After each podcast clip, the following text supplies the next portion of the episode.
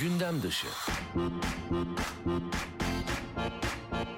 tok karnına yapmazlarsa. Hmm. Çünkü diyaframla çalışacakları için en azından bir, bir buçuk saat önce bir şey yemiş olsunlar ya da boş mide Aa, olsun. dinleyiciler de artık nefes almayı kusmadan becersinler.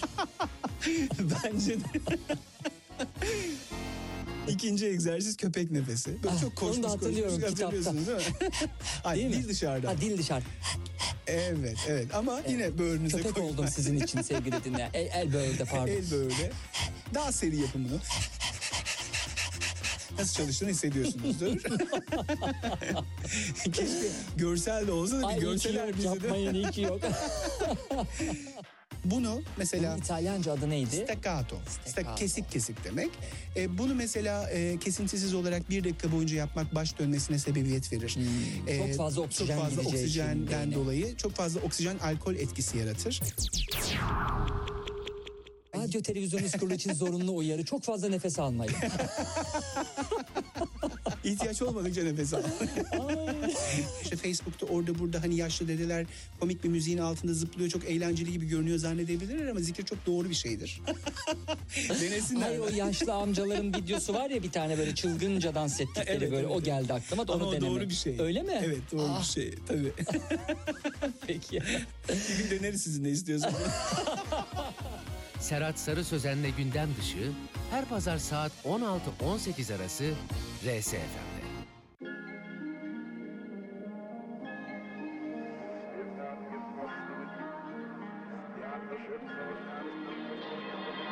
Some days.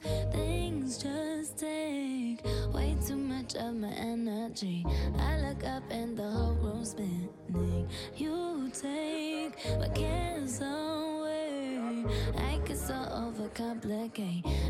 People me to medicate.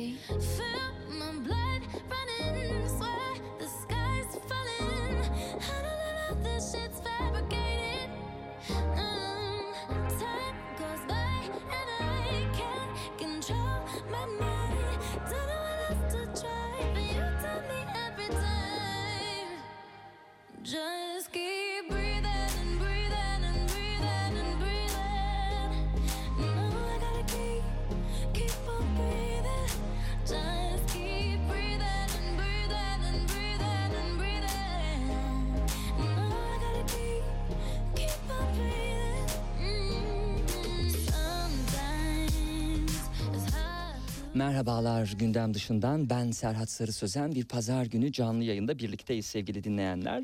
Yine bugün de gündemi dışlayarak kendi gündemimizi yarattık sizler için. Programın ilk kısmında geçti, geçmişten günümüze İstanbul lezzetlerine bir bakacağız ve bunun e, mimarı e, stüdyo konuğumuz olacak. İkinci kısmında ise programın bir fütüristi ağırlayacağız. Selin Vural'la geleceğe ilişkin konuşacağız. İlk konuğumuz e, Melin Sever. E, hoş geldiniz programa. Merhaba, hoş bulduk. Çok teşekkürler davetiniz için. Ee, biz teşekkür ederiz sağ olun. Ee, Merin Sever e, Türkiye'nin en önemli yayın evlerinden e, birindeyken tanışmıştık e, onunla. Şimdi e, bu defa bizatihi kendi derlediği e, İstanbul Büyükşehir Belediyesi yayını olan e, eserle geçmişten günümüze İstanbul lezzetleriyle e, ve bunu konuşmak üzere e, programa konuk ettik. E, ve e, bir baktığımız zaman e, kitaba e, hem fotoğraflar hem içerik olarak son derece zengin bir e, yapıt olmuş. İstanbul Üniversitesi Siyaset Bilimi ve Uluslararası İlişkiler bölümünden mezun olduktan sonra yüksek lisans ve doktora eğitimi esnasında multidisipliner çalışmış ki ne multidisipliner? Milliyetçilik, modern ulus devletin doğuşu, kimlik inşası ve feminizm alanlarında çalışırken tüm bu konuların yemekle ne kadar bağlantılı olduğunu, yemeğin lezzetiyle olduğu kadar politik, sosyolojik ve antropolojik yönleriyle de ilgilenmesi gerektiğini fark ettiğini biz de fark ediyoruz. Enteresan değil mi bu kadar multidisipliner e, konunun yemekle ilişkilendirilmesi? Nasıl bir e, keşfediş süreci oldu bu? Aslında hem enteresan hem de bugün durduğum yerden bakınca nasıl olmuş da daha önce görememişim Hmm. diye düşünüyorum doğrusu. Çünkü tabii ki şey siyaset bilimi diye düşündüğünüzde ilk önce e, bunlar bu şekilde anlatılmaz ama baktığınızda yemek en temel e, ihtiyaçlardan biri. Herkesin hayatına dokunan bir şey. Hı hı. E, bu yüzden de gündelik hayatın tarihiyle ilgili olan her şeyde aslında yemek karşımıza çıkıyor. Diyelim ki siz e, şey araştırmak istiyorsunuz. Bir toplumda sınıf yapısı. E, Kimin ne yediğine bakarak aslında hangi Hmm. sınıftan olduğunu anlayabilirsiniz. Evinde hangi yiyeceklerin kalıntıları var. O yiyecekler o dönemde kimlerin erişebildiği, kimlerin erişemediği şeylerdi. Veya dini, kültürel olarak baktığınızda insanların yediklerini tabular, kurallar, törenler, şölenler bunların hepsi e, belirliyor. Bunların hepsine de baktığınız zaman yemekle kesişiyorsunuz. Fakat tabii ki sorsanız bana fakültede böyle bir ders var mıydı? Hayır yoktu. Keşke Hmm. olsaydı seve seve alırdım yani. Ee, Ama sonradan bunu işte fark ettim keza. Milliyetçilik dediğimiz şey yani 20. yüzyılda ulus devlet inşası ile birlikte ulusal mutfaklar Hmm. inşa edildi. Ee, eminim birçok kişi 90'lardaki kavgaları hatırlar. Hala da devam ediyor. Hangi yemek kimin? Benim mi senin mi? Sanki oradan böyle bir çizgi çekilince bir anda herkesin yemek kültürü değişiyormuş gibi bir algı var. Ama tabii Evet. ki öyle olmuyor. Evet. Tek dil, tek bayrak, tek mutfak değil sevgili dinleyenler. Ee, sakın milliyetçilik falan yemek kültürü deyince e, oraya gitmesin e, laf diye söylemiş olalım dinleyenlere. Kesinlikle. Çok mutfaklı bir yapı var. Ee, biraz sonra göreceğiz. Ee, İştah Perver grubunu e, kurdu Merin Sever e, ve dünyanın bahçeleri .com'u internet adresini kurdu. 2013'ten beri yayıncılık alanında çalışıyor. Daha önce yine derlediği ve derlenen kitaplarda yazılarının olduğu e, yayınlar var. İletişim yayınlarından ve Metis'ten çıkan. E, geçmişten günümüze İstanbul lezzetlerini derlemeden önce de K24, Biyanet, Aujourd'hui La Türkiye, Kırık Saat, Cumhuriyet Kitap, Duvar, Birikim, F Dergi ve Tarih gibi de birçok e, bilinen yayında e, yazarlık yaptı, yapmayı da sürdürüyor. Şimdi hadi gelin bu kuşe kağıda basılmış pırıl pırıl e, esere bir bakalım. E, geçmişten günümüze İstanbul lezzetleri. E, 2021 işin açığı e, bu bağlamda zengin bir yıl oldu sanki değil mi? evet. Yemek konusunda nihayet eğilmeyi kurumlarımız da öğrendi. Tabii ki yani şey sadece İBB için değil. Mesela hı. İstanbul Ticaret Odası'nın da bir yayın hazırladığını biliyorum belli alanda. Ee, Cumhurbaşkanlığı e, ismiyle çıkan kitapta tabii ki çok Evet. konuşuldu eksisiyle artısıyla ama şey güzel tabii. Yani beğeniriz beğenmeyiz katılırız katılmayız o ayrı mesele ama artık e, birçok yayın evinden çıkan bir sürü farklı kitaba ulaşabiliyoruz. Bu da çok iyi bir şey. Yani şeyler de çok güzel tabii ki işte YouTube videoları da var podcastler de var.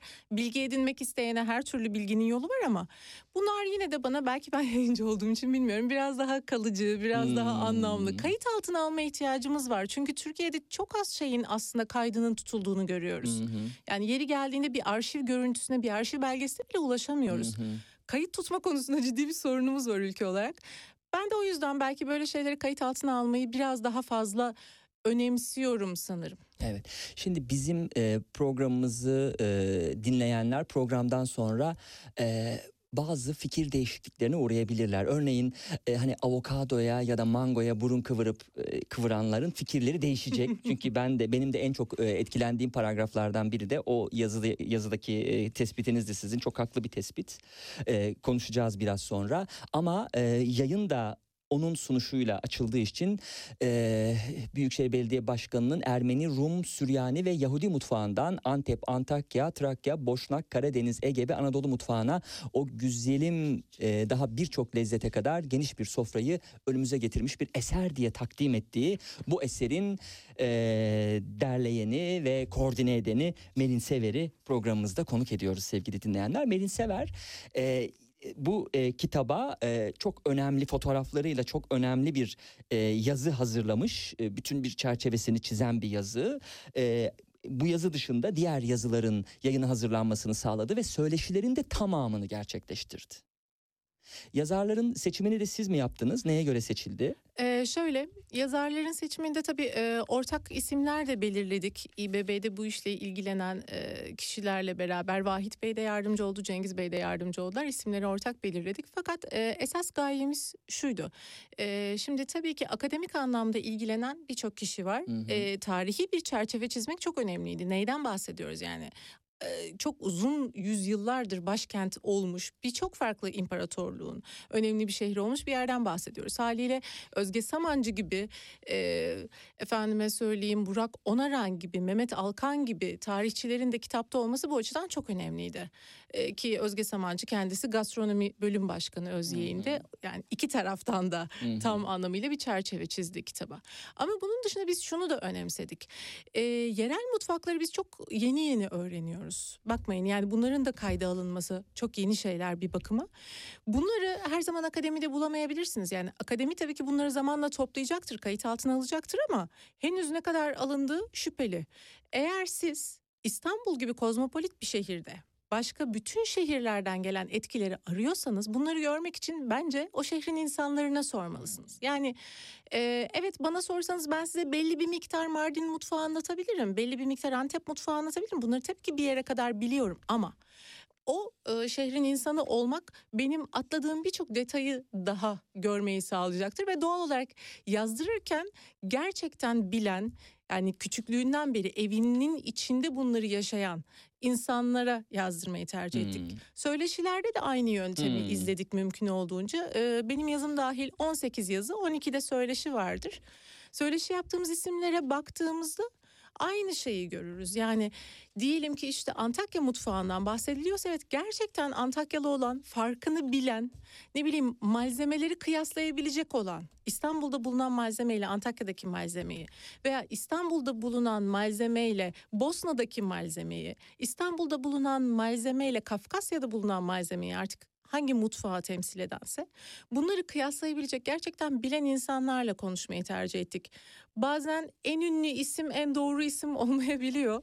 Ee, özellikle yemek gibi bir konuda tabii ki e, nasıl diyeyim gizli yıldız olan da bir sürü isim var. Şüphesiz daha çok daha fazla isim var. Yani şeyi de dürüstçe söyleyeyim. Evet Hmm. yerimiz olsa işte 550 değil 1550 sayfa yapacak olsak Hmm. tabii ki eklemek istediğimiz Hı çok isimler olurdu.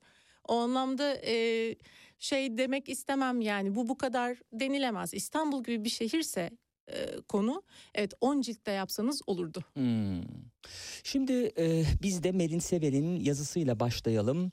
İstanbul lezzetleri bir büyük sofranın etrafında buluşmak başlığını taşıyor. Tabii bu büyük sofra olduğuna göre çok e, katılımcılı bir sofra olmalı bu. Bu büyük sofra denilen şey. Bakalım kimler var?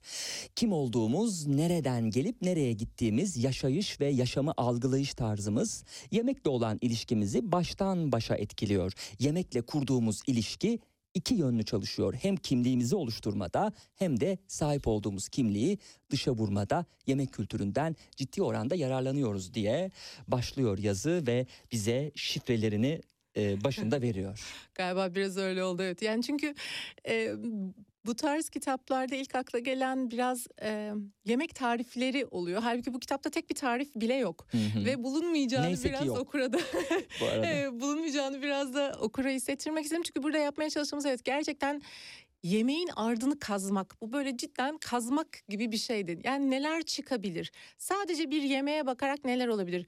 Aslında bunu farkında olarak ya da olmayarak hepimiz yapıyoruz. Yani gittiğiniz evde size ne ikram edildiği, hangi sırayla ikram edildiği, Hmm. nasıl tabaklarda, işte masada mı, yer sofrasında mı?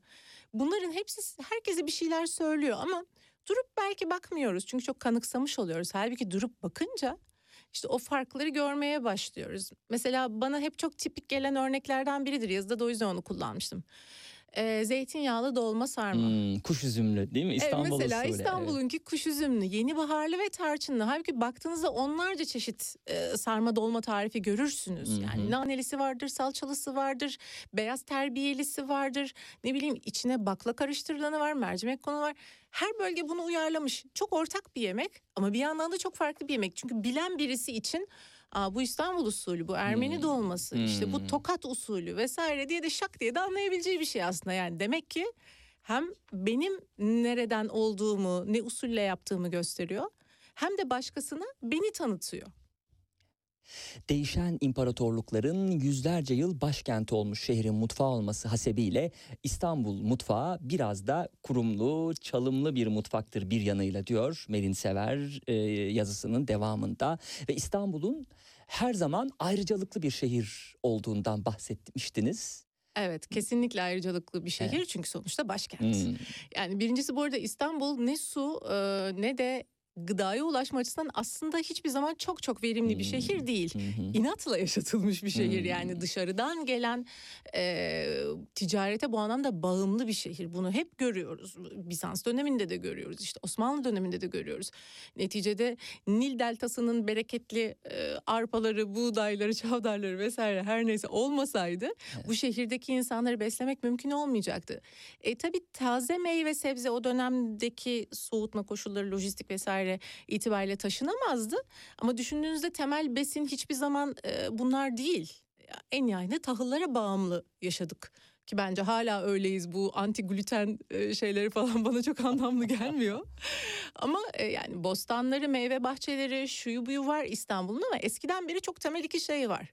Bir, tahıl nereden gelecek ve nasıl gelecek? İki, su nasıl sağlanacak? Yani İstanbul'un su sorunu olmasaydı o valens kemerleri falan yapılmış Hmm. olmayacaktı.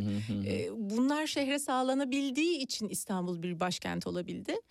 E, bir yandan da tabii şeyi görüyoruz. Şehir halkını beslemek için hep e, kralların, imparatorların e, nasıl diyeyim bir nevi kaynak aktardığını, Hmm, bugünkü modern hmm. ekonomi te- terimleriyle söyleyeyim kaynak aktardığını görüyoruz. Hı.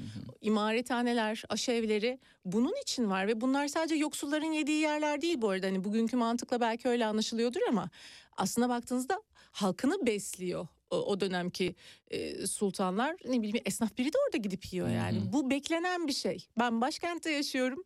Bana bir şekilde yemek sunulmalı diye adeta bir mantık var. Çünkü burası ticaretin yapıldığı yer. Tarımı başkaları yapıyor. Diğer şehirlerdekiler ekiyor, biçiyor ve tabiri caizse e, İstanbul halkını besliyorlar. Hmm. Uğruna bir de tabii e, ekmek uğruna savaşların da çıktığı bir şehir. O yüzden e, Tabii tespit isyanlar doğru. var yani en başından beri ekmek fiyatları tıpkı bugün Yazıdan olduğu gibi kopya büyük çektim mesele. bu arada sevgili dinleyenler savaşların olduğunu yoksa özel olarak ara- araştırmış değilim. Tamam yazı demek ki amacına ulaşmış. E, Çok önemli bir nokta söylüyordunuz tam araya girdim. E, ekmek fiyatları diyordunuz evet. Ee, yani bugün de mesela ekmek Tabii. fiyatlarını konuşuyoruz. Niye? Tabii. Tam da bu yüzden ekmek temel besin maddemiz olduğu için o dönemde aynı şey var. Yani İstanbul'un fethinden sonra yapılan ilk iş ekmek narhı belirlemek. Hmm. O ekmeğin tabii kalitesi de Hmm. belirleniyor. Yani kullanılan un şimdi biz bugün kepekli falan seviyoruz. Daha sağlıklı diye öyle tercih ediyoruz da o dönem e, birinci kalite beyaz undan üretilen ekmeğin ayrı bir e, fiyatı var işte. Kepeklinin ayrı fiyatı var ve bunların kaliteleri de farklı algılanıyor. Bugünkünden tabii biraz daha farklı besleniyormuş atalarımız bunu söyleyebiliriz. Evet. Bu arada nihayet bir e, yemek kitabı elime aldığımda e, yani bir e, edebi bir eser okuyormuş izlenimiyle sayfaları çevirdim sevgili dinleyenler. Bazı paragraflarda alıntı yapacağım ne demek istediğim anlaşılsın diye. Bugün İstanbul mutfağı diye sınırlarını vurgulamayı sevdiğimiz mutfak geçmişten bugüne İstanbul'un bostanlarında yetişen zerzevat, reçeli, şurubu ve likörü yapılan meyve bahçesi mahsulleri kadar hatta onlardan çok Orta Doğu'dan gelen buğday, arpa, Balkanlardan gelen koyun sürüleri ve pirinç, Ege'den gelen zeytinyağı, Sakız Adası'ndan gelen sakız, Doğu'nun limanlarından e, taşınan envai çeşit baharat, Kıbrıs'tan gelen şaraplar, Anadolu'nun bin bir yerinden gelen kuru ve yaş meyve sebzeler, bal, bakliyat ve kuru yemişlerle oluştu. Tam da bu yüzden İstanbul mutfağı genel kanının aksine her zaman çevresinin izlerini yoğun olarak taşıyan bir mutfaktı diye e, e, metinlerini sürdürüyor e, Merin e, Sever. Nitekim e, bakıldığı zaman Romalılar, Rumlar değil mi çok büyük bir sentez.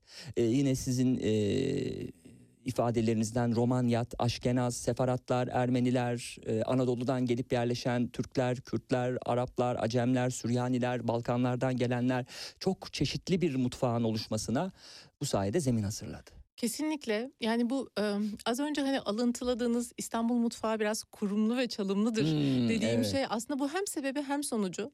Biz bugün geçmişe bakarken retrospektif bakıyoruz. Yani sanki hep böyleymiş gibi de algılıyoruz ama tabii öyle değil ve bazı şeyleri doğru yerleştirmek lazım. Nedir? Ee, Birçok insan e, birçok yemeği İstanbul'a yakıştıramadı. Yani İstanbul'da bunlar mı yenir diye böyle bir e, burun bükülen zamanlar oldu. Hmm. Artık çok kalmadı neyse ki. Umarım hı. tamamen bu bakış açısı biter. Fakat burada unutulan şey şuydu ki İstanbul'un zaten hiçbir zaman tek başına bir mutfağı Hmm. yoktu. Yani hı. vardıysa belki 3000 yıl önce neyse yani bu çok eskiden belki ama sonrasında zaten hep bir karışımdı. Yani şimdi siz İstanbul'da Romanyotların e, kurduğu bazı temeller üstüne Seferat ve Aşkenaz etkisini nasıl görmezden gelebilirsiniz? Bayağı İspanya ve Portekiz etkisi taşınmış buraya.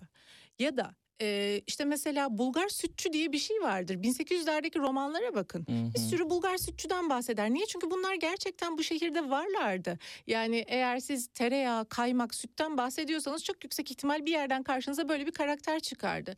Ee, o yüzden ben hani hep şeyi söylerim. İstanbul mutfağı üzerine okumak isteyenler bir 1800'lerin sonundaki romanlara bakmalılar. O romanlarda var. Neden mesela?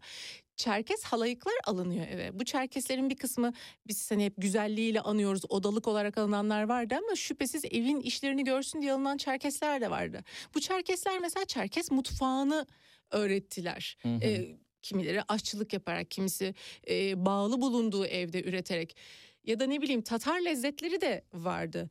Balkanlardan gelen başka lezzetler de vardı. Yani Balkan savaşlarından beri zaten yoğun akınlardan bahsediyoruz. Yani göç akınlarından bahsediyoruz İstanbul'a. Şimdi bunlar zaten taşınmış. Hangi eski saf e, İstanbul mutfağından bahsedebiliriz ki? İstanbul mutfağı hep bir karışımdı ama diyorum ya biz bugünden bakınca bazı şeyleri unutuyoruz, unutmayı yeğliyoruz. Ya da belki bugünkü bir şeylere burun kıvırmak için geçmişi e, kendi araçlarımız, amaçlarımız doğrultusunda e, kullanıyoruz diyebilirim ama öyle yapmamak lazım. Evet. Şimdi de brokoli neymiş değil mi? Avokado neymişe gelmiş olduk Tabii, programın tabii. başında. Denemez çünkü e, Merin Sever'in de e, yazısında belirttiği gibi mutfak durmaz. Hep devinir. Yeni tatlar girer, bazı tatlar unutulur. Eski ile yeninin karışımından füzyonlar meydana gelir. 1800'lerin sonunda artık alışılmış olunan bazı Kafkas lezzetleri 1500'lerde hiç tanınmıyordu. 1900'lerin başında pek moda olan mayonezli levrekse bugün hatırlanmıyor diye e, ilgili kısmı sürdürdüğü yazısında.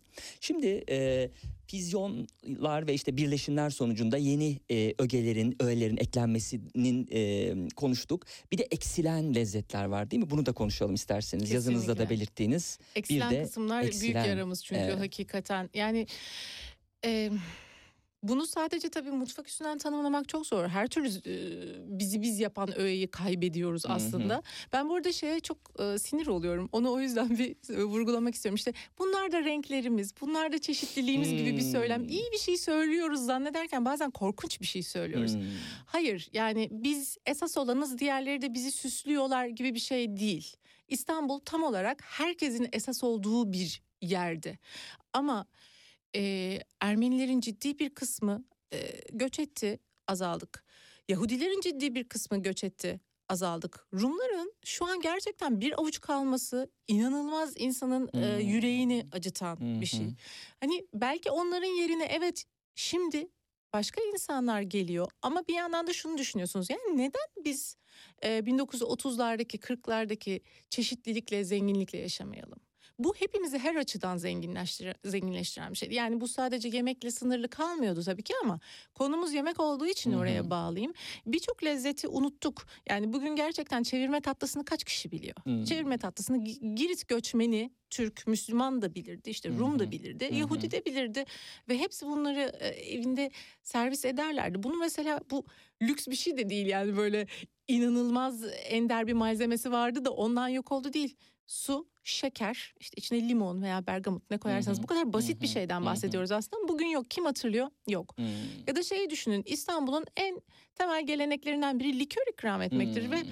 Hayır kesinlikle e, sadece Müslüman olmayanlar ikram ediyor değildi. Müslümanlar da çeşit çeşit likör yapıyordu. Tabii Bunları tabii görüyoruz. çok doğru tabii Bugün ki. mesela kaç kişi evinde likör yapıyor ya da Hmm. yapmayabilir, zamanı olmayabilir. Kaç kişi kahvenin yanında servis etmek için bunu Hmm, bulunduruyor. Ne güzel bir alışkanlıktı değil mi o böyle? Bu- Mesela bugün çok e, şey yapılıyor. Bu da çok tabii kasıtlı. Çok böyle elit bir şeymiş. E, sadece belli sınıflardaki insanlar bunu yaparmış gibi. Hayır yani hatıratlara baktığımızda görüyoruz.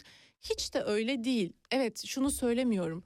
İstanbul'da yaşayanların yüzde yüzü bunu yapardı demiyorum ama yüzde yüzün yediği bir şey ekmek hariç su hariç zaten neredeyse bulamayız. Bu gayet sıradan son derece orta halli insanların bile yaptığı bir şeydi. Fakat bunlar bize hep bir takım elitizmlermiş gibi pompalandı son yıllarda. Evet. Her türlü e, azıcık hayattan keyif almanın, azıcık güzel zevk geliştirmenin çok ayıp bir şeymiş gibi sunulduğu düşünülürse son yıllarda bunların niye unutulduğunu tabii daha iyi anlıyoruz. Evet. Siyasal İslamcılığın ahtapot gibi her tarafımızı sardığı bir e, ortamda e, tabii kahvenin yanında da likör içemeyeceğiz sevgili dinleyenler. E, bu bu kadar basit. İstanbul'un zenginleşen sofrası özellikle 1950'lerde başlayan ve 80'lerden sonra iyice hızlanan iç göçlerle şehre gelenlerin beraberinde getirdikleri kendi yeme içme alışkanlıklarının yerel malzeme ve lezzetlerin bir armağanı diyor Merin Sever. Kimi zaman kendi içlerinde yoğunlaştıkları semtlere yolu düşenler tadıp sevdi bu lezzetleri. Kimi zaman üst komşusundan gelen bir tabakla tadıp öğrendi. İstanbullular bilmedikleri yemekleri, mutfaklarını buraya taşıyanlar zaman içinde İstanbulluların damaklarını kendi yemeklerine az buz müptela kılmadılar diye benim de noktayı virgüle dikkat etmediğim bir okuma tarzıyla e, nihayetleniyor. E, kitapta bulacağımız İstanbul lezzetleri sadece İstanbul mutfağını değil İstanbul sofrasında yer alan belli başlı tüm mutfakları da bu anlamda kapsıyor. Kesinlikle ki bence e, açıkçası bu işin, bu kitabın özgün olan tarafı da buydu. Olmasına dikkat ettiğim taraf buydu diyeyim. Çünkü dediğim gibi başından beri öne sürdüğüm bir tez var. İstanbul'un zaten her zaman farklı mutfakların izini taşıdığını söylüyoruz. O zaman biz nasıl oluyor da bugün e, İstanbul'da lahmacun yememiş, kebap yememiş insan yokken bu mutfakları İstanbul'a dahil değilmiş gibi düşünebiliyoruz. Yani şey düşünün. E, İstanbullu dediğiniz İstanbul'da yaşayan insanlar hiç kimsenin gidip yedi göbek soyuna bakacak halimiz yok artık bu Hmm. devirde. Kimsenin o kadar kafatasçı fikirleri olduğunu sanmıyorum. E, bu insanların sofrasında ne pişiyorsa veya restorana, lokantaya gittiğinde ne yiyorsa İstanbul'daki lezzetlere bunların hepsi dahil. Bakıyorsunuz Antep mutfağı, Urfa mutfağı, Antakya mutfağı ayrı seviliyor. İşte pide yemeyen insan yok gibi. E, son yıllarda hatta muhlama kuymak gibi bir sürü başka Hmm. popüler lezzeti de oldu Karadeniz'in. Ege'ye bakıyorsunuz her türlü meze e, özellikle de ot mezeleri bugün artık bütün meyhanelere girmiş durumda. Konya'nın etli ekmeğini biliyorsunuz ne bileyim Merzifon'un keşkeğini alıp koyuyorsunuz. Mardin'in içli köftesini yiyorsunuz. E bunların hepsini yiyorsanız ki yiyoruz yani resmi olmayan rakamlarla neredeyse 20 milyon insan dolaşıyor artık. Hı hı. İstanbul'da. E Bunların hepsini yiyorsak bunları nasıl dışlayabiliriz ve ne hakla dışlayabiliriz? O zaman hakikaten şeye dönüyoruz. E 1800'lerin başında da domates biber böyle yenmiyordu. Hadi o zaman domates biberi de atalım mutfağımızdan. Böyle bir şey olabilir mi? Evet. Olamaz. Bugün eğer bunlar varsa bunları da kayda geçireceğiz. Yani e, şey gibi düşünün 50 yıl sonrasından bugüne bakıyorsunuz. İstanbul'da neler yendiğini öğrenmek istiyorsunuz. Bir bakıyorsunuz size sadece hep aynı belli başlı tarifler çıkıyor. Ama ben şey diye düşündüm. Bir dakika gerçekten İstanbul'da bunları mı yiyoruz? Yani Hmm. e, her günümüz e, kuş üzümlü zeytinyağlı dolmayla mı geçiyor? Hayır tabii ki. Keşke. Yani.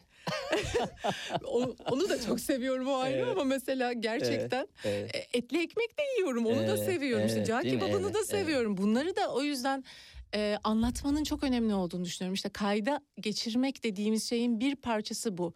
O yüzden ben mantığı böyle kurdum diyeyim yani sofrada ne varsa İstanbul'da yaşayan insanların sofrasında ne varsa kitapta da o var. geçmişten bugüne İstanbul sofrasında tam olarak ne varsa İstanbul'da da bu var dediği yazısını anlatılan bizim soframızdır diye sürdürüyor e, Merin Sever. Hadi şimdi değişen şehir ve değişen yemek kültürü kısmıyla devam edelim. E, burada da mesela e, benim e, özellikle dikkat çektiğim yemek ve kültürün mimariyi de etkileyen e, örneklerinin de olduğunu bahsettiği kısım vardı. Osmanlı döneminde inşa edilmiş büyük konaklarda haremlik selamlık arasında yer alan orta kapılar ve dönme dolaplar vardı. Bu dönme dolapların birinci amacı haremlik ve selamlık arasında yemeklerin veya başka gönderilmesi gerekenlerin bir tarafın diğer tarafı görmeden gönderilmesini sağlamaktı. Yani yemekte mimariyi işte etkilediği bir örnek. Başka neler var? Ee, başka aslında en çok bence görebileceğimiz çeşmeler var. Hmm. Hani bu su sorunundan bahsetmiştim ya. Hı O yüzden çeşme yaptırmak Hı büyük bir e, Hmm. hem prestij hem e, sevap şeyi olarak görülüyor. Hı. Kalıcı bir eser bırakmış oluyorsunuz hı. çünkü. E, ama bu çeşmelerin nerelerde yapıldığı değişiyor. Şimdi başta eski İstanbul kısmında ağırlıklı olarak çeşmeleri görüyoruz. Çünkü normal insanlar orada yaşıyor. Fakat daha sonra bu e, çayırlardaki e, sayfiye yerlerindeki eğlence anlayışı gelişince işte atıyorum Göksu'ya gitmek, Çırçır'a gitmek, Kağıthane'ye gitmek gibi bir bakıyoruz oralarda da çeşmeler yapılmaya başlanıyor. Eskiden kimse boğaz hattına o kadar yoğun gitmediği için oralara kimse bir şeyler yaptırmamış. Fakat sonra akın akın oralara gitmeye başlayınca işte e, mesela Sarıyer'e diyelim oradaki e, çayırlık yerlere. E tabii ki insanlara su, su lazım. Ne oluyor? Siz e, bir çeşme yaptırmak istiyorsanız bir kısmını da oraya yaptırmaya Hmm. başlıyorsunuz. Yani bunları mesela kayıtlardan çok rahat görüyoruz. Daha önceki yıllarda hiç yapılmamışken sonra bir anda 250 tane çeşme inşa edildiğini görüyoruz. Demek ki bir ihtiyaç Hmm. doğmuş. Niye ihtiyaç doğmuş? Çünkü şehrin eğlence kültürü değişmiş. Daha önce bu şekilde kamusal bir eğlence modeli yokmuş. E, bunun benzerini işte kahvehanelerde görürüz yani. Kahve gelinceye kadar haliyle kahvehane diye bir şey yoktu. Kahvehane kültürü yoktu. Hı hı. E, tabii ki insanların buluştuğu, toplaştığı belli şeyler, meydanlar her zaman olmuştur. Ama kahvehane dediğiniz kendine has bir ambiyansı olan, kendine has bir ortamı olan farklı bir şeydir. Bugün de mesela ne bileyim Paris'in kafelerinden bahsedilir, Viyana'nın kafelerinden bahsedilir. Bazı şehirler daha önde gelir Hı hı. e, bu tarz kültürleriyle. E, orada da işte İstanbul'a gelen ve çok sevilen, kabul edilen bir e, gıda maddesinin, bir içeceğin nasıl şehrin dokusunu değiştirdiğini görüyoruz. Siz sevgili dinleyenler zannetmeyin ki Sini eh, yerel seçim öncesinde siyasilerin e, insanların aklını çelmek için e, kullandıkları bir e, yemek sunum şekli diye düşünebilirsiniz. Aslında öyle değil. Yemek kültürü doğal olarak sadece sofraya konan yemeklerden ibaret değil diyor Merin Sever de yazısında. Yemek düzeni de şüphesiz onun bir parçası ve bu da işin mimari yanıyla yakından alakalı. Yüzyıllar boyunca İstanbul'da saray dahil yer sofrasında yemek yeme adeti vardı. Siniyle gelen yemekler bir bakıma kolaylıktı. Siz yemeğe gitmezdiniz, yemek size gelirdi diye sürüyor. Şimdi e, tabii yazıda benim de ilk defa duyduğum e, şeyler de mesela kılıç balığı deliliği gibi. Nasıldı balıkla arası İstanbul'un e, geçmişten günümüz hani şimdiyi biliyoruz ama Hmm. geçmişten nasıldı e, o kılıç balığı deliline de bağlayacak olursak. Şöyle söyleyeyim İstanbul'un yemek tarihiyle ilgili herhalde en yaygın yanlış e, balık yenmediği konusundaki Hmm. genel kanı. Müslümanların balık yemediğine dair bir kanı var ama sorsanız e, bunun için aslında çok somut bir örnek yok. Hı Bir ikincisi tabii şöyle de bir şey var bazı şeyleri arşivlerde araştırıldıkça öğreniyoruz. Yani eskiden siz e, sarayda balık yenmediğini düşünüyorsunuz. Bir tane bir el yazması çıkıyor. Bir bakıyorsunuz saraya hususi balık mutfağı kurulmuş. Hmm. Hususi balık aşçısı alınmış. 26 farklı balık yemeği yapıldığı çıkıyor listelerden. Ha diyorsunuz tamam. Burada demek ki bizim bilgimizde bir eksiklik var. O yüzden aslında yemekle ilgili konuşulurken bazı şeyler kati gerçekler gibi konuşmamak gerek. Her zaman daha fazla Hmm. bilginin çıkabileceğini, her ne kadar ciddi bir kısmı sular altında bırakılması için uğraşılsa da arşiv belgelerinin Hmm. hala oradan bir sürü yeni şey çıkabileceğini unutmamak gerek. Hmm. Balık konusu da böyle. Yani balık bugün evet artık ne yazık ki lüks ve pahalı bir şey ama unutmayalım ki balık fakir yemeğiydi.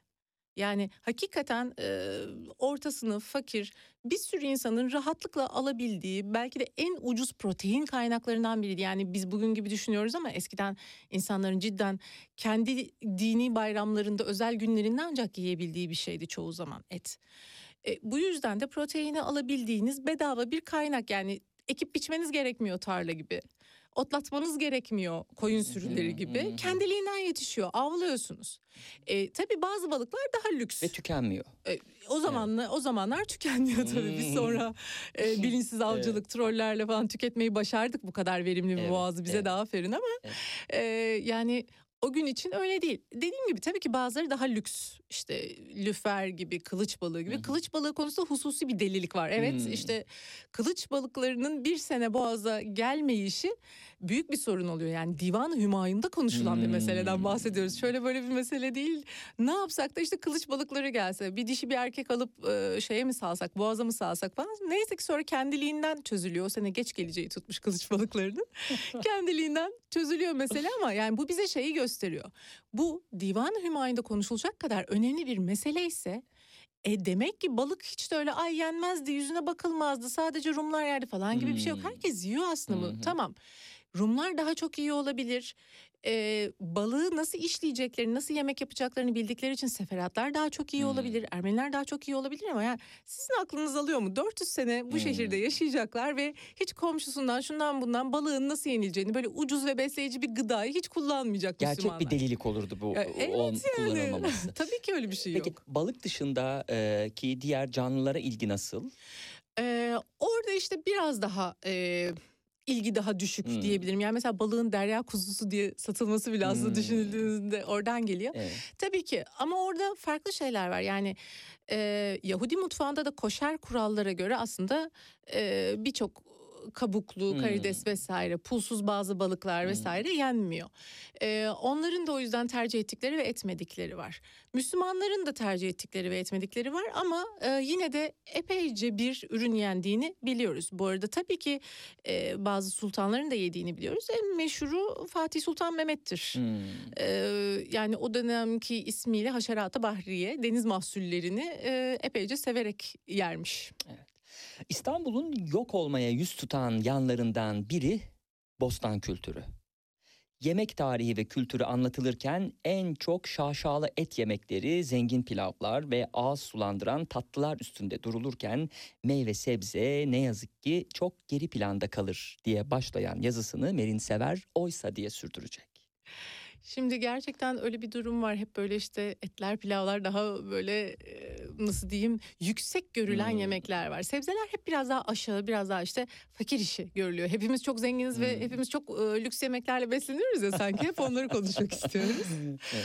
Halbuki evet e, bir iyi bir bostan kültürü var İstanbul'un kendi imkanlarınca. Çünkü dediğim gibi sulama sorunu var, müthiş e, geniş toprakları vesaire olmayabilir tarıma uygun ama her zaman bir taze meyve sebze imkanı yaratılmaya çalışılmış mümkün olan sınırlar içinde.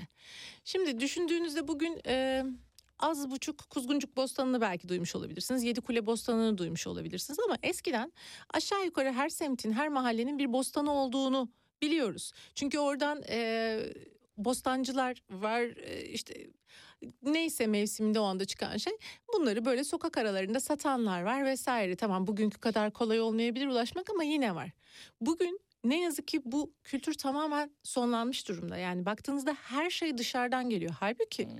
e, az buçuk şimdi düşünün Beykoz'daki e, bazı üretimler İstanbul pazarlarında e, böyle pazara gitmeyi sevenlerin en iyi bildiği ürünlerdir. Hemen o tezgahlar nerede bulurlar? Çünkü Beykoz'daki ürünler çok daha e, taze ve lezzetli olurlar. Niye?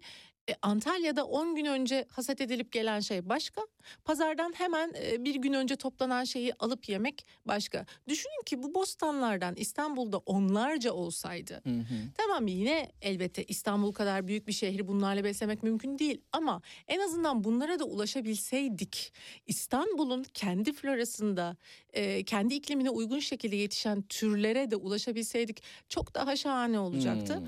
Ama artık bunlara ne yazık ki ulaşamıyoruz çünkü e, İstanbul'un her yeri inşaat alanına döndüğü için e, şehrin merkezinde bir bostanlık alan olması hayal gibi bir şey ki zaten mevcut olan bir iki taneyi de e, kapatmak yıkmak için kaç defa e, taarruza geçildiğini biliyoruz. Şimdi kitapta sizin de söyleştiğiniz ya da e, söyleşi yapmayıp da yazısı olan e, yazarlardan e, tabii gurmeler de var. Bunlar da bir kısmı bizim ilk tanıştığımız gurmeler. İşte Vedat Milor e, yani geniş kitlelerin işte gurmeliği ilk öğrendiği kişidir Kesinlikle, muhtemelen. evet. Ama biz e, kitabınızı ve sizin yazınızı e, okuduğunuz zaman gördük ki aslında ilk gurmenin tarihi Türkiye'deki tabii bu topraklardan bahsediyorum. Tarihi 1931'lere 1930'lara dayanıyor. Yazılı basın bilhassa gazeteler ilk gurmelerin ve ilk yemek eleştirisi yazılarının ortaya çıkışına sahne oldu. Sermet Muhtar Alus 1931 yılından itibaren Akşam Gazetesi'nde tabii şimdiki bir gibi bir akşamdan bahsetmiyoruz. Akşam Gazetesi'nde yazdığı İstanbul yazılarında çok defalar İstanbul'un yeme içme alışkanlıklarını konu ettiğini de yine bu yazıda Kesinlikle görmüş ve bu olduk. arada yani yemeğe meraklı olsun olmasın İstanbul tarihine meraklı herkesin e, o yazıları okunmasını çok tavsiye ederim. Hmm. Can yayınlarından çıktı. Sermet Muhtar Alus'un o akşam gazetesindeki yazılarını derlediler, toparladılar. İnanılmaz keyifli yazılar ve tarih biraz da böyle ele alınmalı. Yani Hmm. tarih sadece sultanların hangi savaşları yaptığı, vezirlerin ne gibi e, davranışlarda bulunduğu değil. Yani baktığınızda bu şehirde yaşayan insanların tarihi kayıkta oturup içen balıkçısıyla işte kahveci çırağıyla vesaire hepimizin tarihi tam da bence böyle yazılarda Hmm. gizli. O yüzden okunmasını çok tavsiye ederim. Ne güzel işler yapmış o zaman da gazeteler. Kesinlikle, Evet. kesinlikle. Şimdi e, sevgili konuğum Merin Sever'le İstanbul lezzetlerini konuşuyoruz geçmişten günümüze. İstanbul'u tüm zenginliğiyle, ev sahipliği yaptığı farklı mutfaklarıyla içinde yaşayanların sofralarına yansıttıkları çeşitlilikle ele almayı amaçlayan bu kitapta 18 farklı kalemden yazı ve tamamını yine Merin Sever'in gerçekleştirdiği 10 farklı söyleşi var. Biraz da bu yazılara bir, e, bir göz atalım istiyorum. Ee, tahmin edebileceğiniz gibi diyor yazısını e, konuğum. Bu çeşitliliği mümkün olduğunca yansıtabilmek için farklı alanlara değiniyorlar. E, yazısından sonra Merin Sever'in ilk yazıda İstanbul mutfağının şehrin lezzetlerinin tarihi ve toplumsal yanına bakan ilk yazısında araştırmalarını gastronomi ve mutfak sanatçıları alanında yürüten tarihçi Özge Samancı'ya aitmiş. Evet, Özge hocam sağ olsun çok güzel bir çerçeve çizdi. Biraz hani geçmişten günümüze kadar aşağı yukarı İstanbul'un mutfağının e, geçirdiği değişimlerden bahsetti. Ondan sonra da Burak hocam, Burak Onaran çok önemli bir e, soruya parmak bastı. İşte Hmm. İstanbul'u, İstanbulluyu, İstanbul mutfağını, İstanbul lezzetlerini nasıl tanımlayacağız diye harika bir yazıydı. Tam da bu sizinle konuştuğumuz birçok konuyu orada çok güzel açtı, ele aldı. Ee, sonrasında da Mehmet Alkan'la uzun bir e, söyleşi yaptık. O da e, yine tarihi açıdan bir sürü detay verdi. Okuması çok zevkli e, bir sürü detay var hakikaten İstanbul tarihine e, Evet. giren. Ve daha sonra da e, Vedat Milor'la Hmm, bir evet. söyleşi yaptık. O da biraz şundandı. Şimdi tabii hep tarihten bahsedemiyoruz. Bir de bugünü var bu Tabii, şehrin. tabii. Vedat Bey elbette e, kendi arka planıyla da hani hem sosyoloji hem e, iktisat alanında çalışmış bir akademisyen de olarak e, bağlantıları çok güzel kuruyor. Hmm. E, yani bugün mesela neler niye moda oluyor ve geleceğinde İstanbul'un mutfağında ne gibi değişimler öngörülüyor? Bunları çok güzel açıkladı hakikaten. ilgili kısımda bir yandan çocukluğundaki yemek anılarını anlatırken Vedat Milor bir yandan da sosyolog kimliğiyle İstanbul'un geçmişteki ve bugünkü yemek kültürünü kıyaslayarak yemeğe bakışımızı etkileyen faktörleri yine yazısında e, sorgulamış anladığımız kadarıyla. Doğu ve Batı'nın kesiştiği İstanbul'un mutfağı, İstanbul mutfağı nasıl tanımalı, tanıma, tanımlamalı, saray mutfağından bugüne kalanlar Haldun Tuzel'in e, yine benzer şekilde yazılarıydı. Mehmet Yaşin'in İstanbul'un sokak lezzetleri yazısına şöyle bir baktığımızda da Türkiye'ye gelen gezginlerin oldukça şanslı olduklarını düşünüyorum. Çünkü ülkemiz bir sokak yemeği cenneti. Turistler 3 kuruşa çok lezzetli yemek yeme olanağını bulurlar. Tabii yanlarına bu yemeklerin nerelerde hangi kuytu köşelerde satıldığını bilen bir reh- rehber eşliğinde giderlerse diye doğru bir nokta tabii. Çok doğru. Kesinlikle çok Evet. doğru. Yani Mesela bir köfteci atıyorum X köftecisi yanında aynı isimden biri daha var. E, sizin doğru yere girmeniz için biliyor olmanız lazım. Kesinlikle öyle. ama işte internet bu işleri bir anlamda Hmm. kolaylaştırdı da e, yani nerelere bakacağınızı kimleri ciddiye almanız gerektiğini biliyorsanız eleyebildiyseniz e, birçok böyle lezzete kolay ulaşabiliyorsunuz artık ama tabii e, internetin başka handikapları da olabiliyor hak etmeyen kişileri de çok e, PR gücüyle yükseltebiliyor o ayrı Evet, mesele orada doğru. iş biraz e, bizim dikkat göstermemize kalıyor. Şimdi e, ben e, tabii Merin Sever'e e, bu e, eser için e, özellikle teşekkür ediyorum ama İBB'ye de bir teşekkür etmek lazım. E, şimdi şunu tabii sorgulamadan edemeyeceğim. E, yazara e, alan açma anlamında yani e, hani şunu çıkar şu olmasın dememe anlamında da bir kurumun etkin rol oynaması e, çok değerli. Şimdi e, mevcut belediye olmasaydı hani başka bir belediye olsaydı ya da başka bir zaman olsaydı acaba böyle bir kitapta Rum mutfağından lezzetler diye bir yazıyı Anastasya Aslanoğlu yazabilir miydi? Tereddütüm var. Ee, yine e, Mario Levi İstanbul mutfağında Yahudi izleri başlığıyla bir resmi kurumun hazırladığı bir kitapta bir yazı yazabilir miydi? Kuşkum var istediğiniz kadar e, kızabilirsiniz ya da komşudan esintiler Arap mutfağının İstanbul'a katkıları mesela hani çok yönlü olduğu için tek bir bakış açısıyla e, bunun harmanlanmamış olması çok önemli. Arap mutfağından esintileri de mesela e, kim yazmıştı? Emine Turay yazmıştı. Yani dolayısıyla bu çeşitliliği bu eserde e, görüyoruz. O yüzden de e, tarihe de ışık tutan çok önemli bir çalışma olmuş. Teşekkürler. e, Ben teşekkür ederim. Bunun için. E, şunu da sorayım. Fotoğraflar, resimler, e, belediyenin arşivinden mi bulundu bunlar ya da nasıl bir arşivde seçim yapıldı tek tek? Çünkü her birisi de çok e, e, kaliteli çekimle hazırlanan çalışmalar olmuş. Bunun için özel mi çekim yapıldı? Bir kısmı için en azından söylemiş olayım. Ee, çok teşekkürler. Öncelikle beğendiğinize çok sevindim görselleri. Çünkü görsel kısmı için hakikaten e, çok uğraşıldı. Ee, Birçok farklı yönden beslendik. Aslında Çok özür unutmayın Tabii. lütfen. Mesela şu an açtığım sayfada sevgili dinleyenler 40'lı yıllarda İstanbul'da bir kasap dükkanının fotoğrafını görüyoruz. İstanbul Büyükşehir Belediyesi Faik Şenol arşivi diyor. Siyah beyaz bir fotoğrafta bir kuzu 40 yazmış. Buyurun affedersiniz. E, Faik Bey'in gerçekten orada e, muazzam bir arşivi var. Ben de bazılarını özellikle kullanmak için yani ne olur şunları kullanalım falan dediğim e, kareler oldu. Çok güzel kareler var. E, bir yandan da sağ olsunlar tabii e, arşiv için çalışan arkadaşlar vardı. Çok güzel işte kartpostallar, gravürler e, buldular. Onun dışında e, fotoğraf için birlikte çalıştığımız Koray Berk'in birbirinden güzel kareler çekti. Bir de tabii kişisel arşivlerden de çok yararlandık. Örneğin e, Emine Turay'ın yazısında yer alan fotoğrafların hepsi Emine Hanım'ın kendi yaptığı yemekler. Hmm. E, onları kullandık çünkü zaten bulamazdık. Herhangi bir arşivde de bulamazdık yani hı. onları. E, veya ne bileyim Burkay Adalı e, kendi rakı ve eğlence kültüründen bahsettiği, meyhane kültüründen bahsettiği yazısında kendi elinde çok güzel e, eski görseller vardı. Onları paylaştı. Bu anlamda da hani kitap herkesin elini taşın altına koyduğu bir şey oldu. Herkes elinde nasıl kareler varsa paylaştı ama e, gerçekten görsellik için epey e, uğraşıldı. Cengiz Bey de orada proje koordinatörü olarak epey e, aktif bir rol aldı. Bu sayede de birbirinden güzel kareleri e, gösterebilmiş olduk okura. Ben de o açıdan e, çok mutluyum. Evet. Sohbetimizi de e, tabii yemekti, tatlıydı, balıktı, e, kuzuydu. 40 e, kuruşa satılıyor belki bilemiyorum pa- para birimin ne olduğunu. E, yapmışken artık kahveyle o zaman yayınımızı bitirelim. E, olur mu?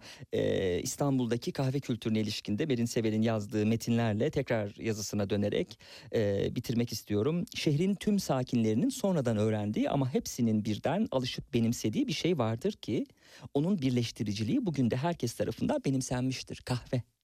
16. yüzyılda tanışılan kahve önce saray mutfağında benimsenmese ve biraz avam bulunsa da sonunda verdiği zindelik hissi ve keyif duygusuyla herkesi avucuna almayı başardı diye başladığı kahve ilişkin yazısında. E, kahve ile ilgili olarak aslında benim bilgim daha sınırlıydı. Ben de öğrenmiş oldum. Emre Boztepe ile çok güzel bir söyleşi yaptık. Hem tarihinden bahsetti hem de e, bugünkü üçüncü dalga kahve dediğimiz e, yeni akımları anlattı. Çünkü kahve biliyorsunuz son yıllarda yeniden popülerleşti. Çaydan da ciddi e, rol çaldı genç Hmm. kuşaklar için. Hı. Ee, Doğru. zaten hani çayın da sonradan e, İstanbul mutfağına girdiği düşünülürse işte mesela en tipik örneklerden biri nasıl algımız değişiyor. Hep çay içiyoruz gibi geliyor ama aslında çay baktığınızda şurada 100 yılı bile yok yaygınlaşması. Ee, o mesela kahve ile ilgili harika bilgiler verdi. Ben e, aktaranı olmaktan çok mutlu oldum ve onun sayesinde de çok fazla şey öğrendim. Ee, biraz da bir şey yani bu kahve yanında tabii tatlı. Berken Döner'in müthiş bir tatlı yazısı var yine kitapta. Bunların hepsi baktığınızda birçok insanı ortaklaştırabilen şeyler. Atıyorum onu bilmiyoruz da bunu biliyoruz. İşte şunu içmiyoruz bunu içiyoruz. Tatlılardan tercihimiz o değil bu vesaire. Böyle küçük farklılıklar var tabii ama e, herkesin sevdiği e, aşağı yukarı kendisinin hoşuna gidecek e, bir versiyonu bulabildiği alanlar bunlar. O yüzden de bence evet hakikaten çok kıymetli. Enis Cevdet Mübarek Mahluk Efendi adlı bir e, kara kargadan çıkan bir kitabı kaleme aldı sevgili dinleyenler. Bu metni bir sahaf gezisine borçluyuz. Üsküdar'da bir sahafta küçük bir sandık içerisinde karşımıza çıkan el yazısıyla yazılmış sayfalar, müsveddeler, not kağıtları, defterlerden oluşan evrakı metruke ve bazı eşyalar bizi sıra dışı bir yolculuğa çıkardı diyor. Bu sıra dışı yolculuğun kitabını size hediye etmek istiyoruz. Çok, Çok teşekkür, teşekkür ederiz ederim. Çok geldiğiniz için. Ben Ee, teşekkür ederim. Son olarak bir e, bunun e, bir devamı gelecek mi ya da başka bir proje var mı yine kurumlarla çalıştığınız? E, Merin Sever mevcut yoğun e, iş yükünde e, bu, bu tarz çalışmalarda sığdıracak mı e, araya hem yemek kültürüne ilişkin ya da İstanbul'un tarihine ilişkin?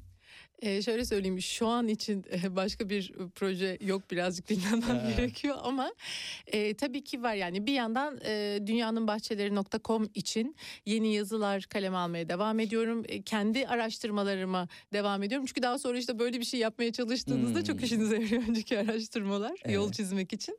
Oradakiler devam ediyor. E, bazen podcastler, videolar vesaireyle de desteklemeye çalışıyorum. Onlar devam ediyor.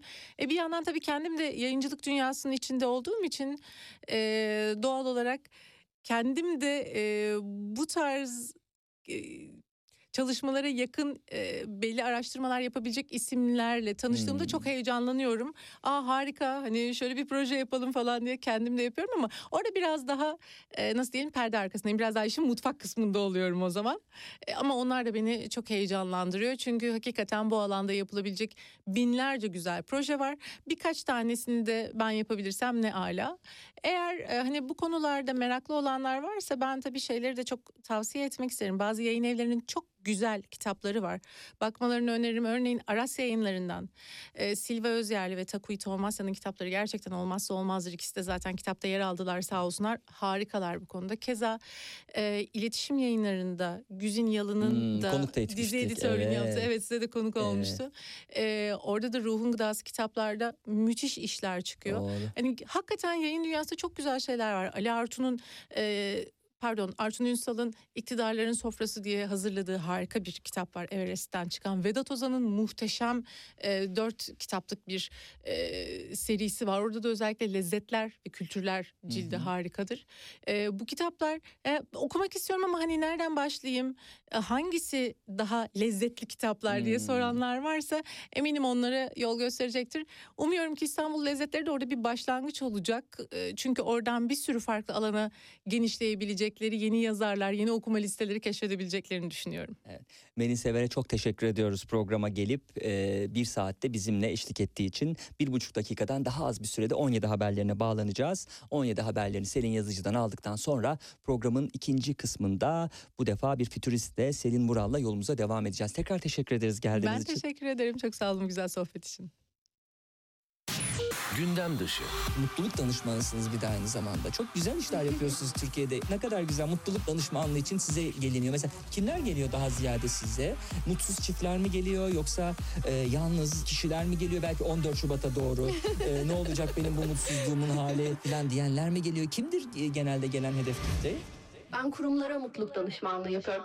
E, Kurumlarda kurumlar da önce az ücret verip insanlara mutsuz edip sonra da size mi danışıyorlar nasıl mutlu edeceğiz bunları diye. Gündem dışı.